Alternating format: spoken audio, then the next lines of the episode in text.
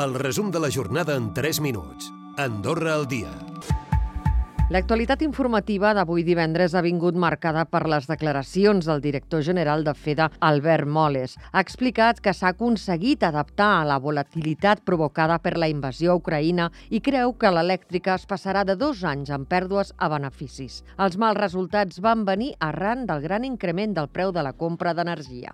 Esperem, eh, tant a 23 com a 24, recuperar xifres similars a les que a, les que teníem fa dos, tres, quatre anys. I aquí una mica, pues, pues això, estar preparats, anar mirant el que passa, i ponia part de moment el projecte de construcció d'un geriàtric a Ordino. Fa unes setmanes el Comú i el Govern van mantenir una reunió per introduir canvis en el projecte. Aquest fet, amb altres, com ara la celeritat amb la qual es volia enllestir-lo, no acabaven de convèncer l'oposició i sembla que tampoc una part dels consellers de la majoria. Fins i tot, des d'alguns sectors s'havien insinuat interessos personals de Josep Àngel Mortés per justificar el projecte, acusacions que el cònsul ha desmentit n'hi ha acusacions d'aquest tipus fora de lloc, eh, ja no li donin la més mínima importància. No? I, a més a més encara diré més, si, si l'oposició o qui sigui té algun indici de que això és així, doncs, bueno, doncs és molt fàcil, eh? se'n va, se va anar a la Fiscalia i, i s'ha acabat el problema. Així de clar ho dic i l'externalització del servei telefònic 115 ja és un fet. Andorra Telecom ha confirmat que SPIC, l'empresa experta en atenció al client, és qui està donant el servei amb personal totalment propi. Després de tot el procés han quedat quatre persones a la tecnològica amb el seu futur laboral encara per definir.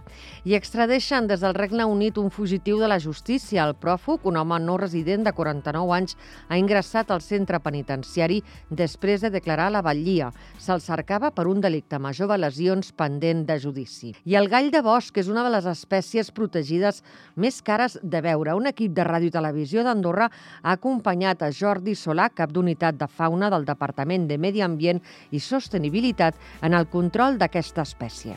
Un dels galliformes que tenim aquí a Andorra és una espècie protegida, concretament en el grau d'amenaça. Hem anat a fer un recompte en el moment que, que les gallines les femelles de gall de bosc ja estan amb els, amb els pollets. El que es va veient és que l'espècie és estable, però en els, el que sí que varia és l'èxit reproductor de l'espècie durant els anys.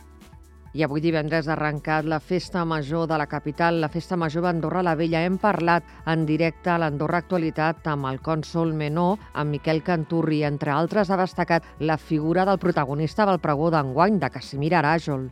Una persona que, eh, ha ajudat, penso molt, a, al món cultural d'Andorra, en, en preservar tradicions i, i en preservar molts objectes i molts documents d'Andorra i, i penso que és bo que a, a gent com el Cassi pues, se'ls eh, rendeixi un homenatge. Recupera el resum de la jornada cada dia a AndorraDifusió.d i a les plataformes de podcast.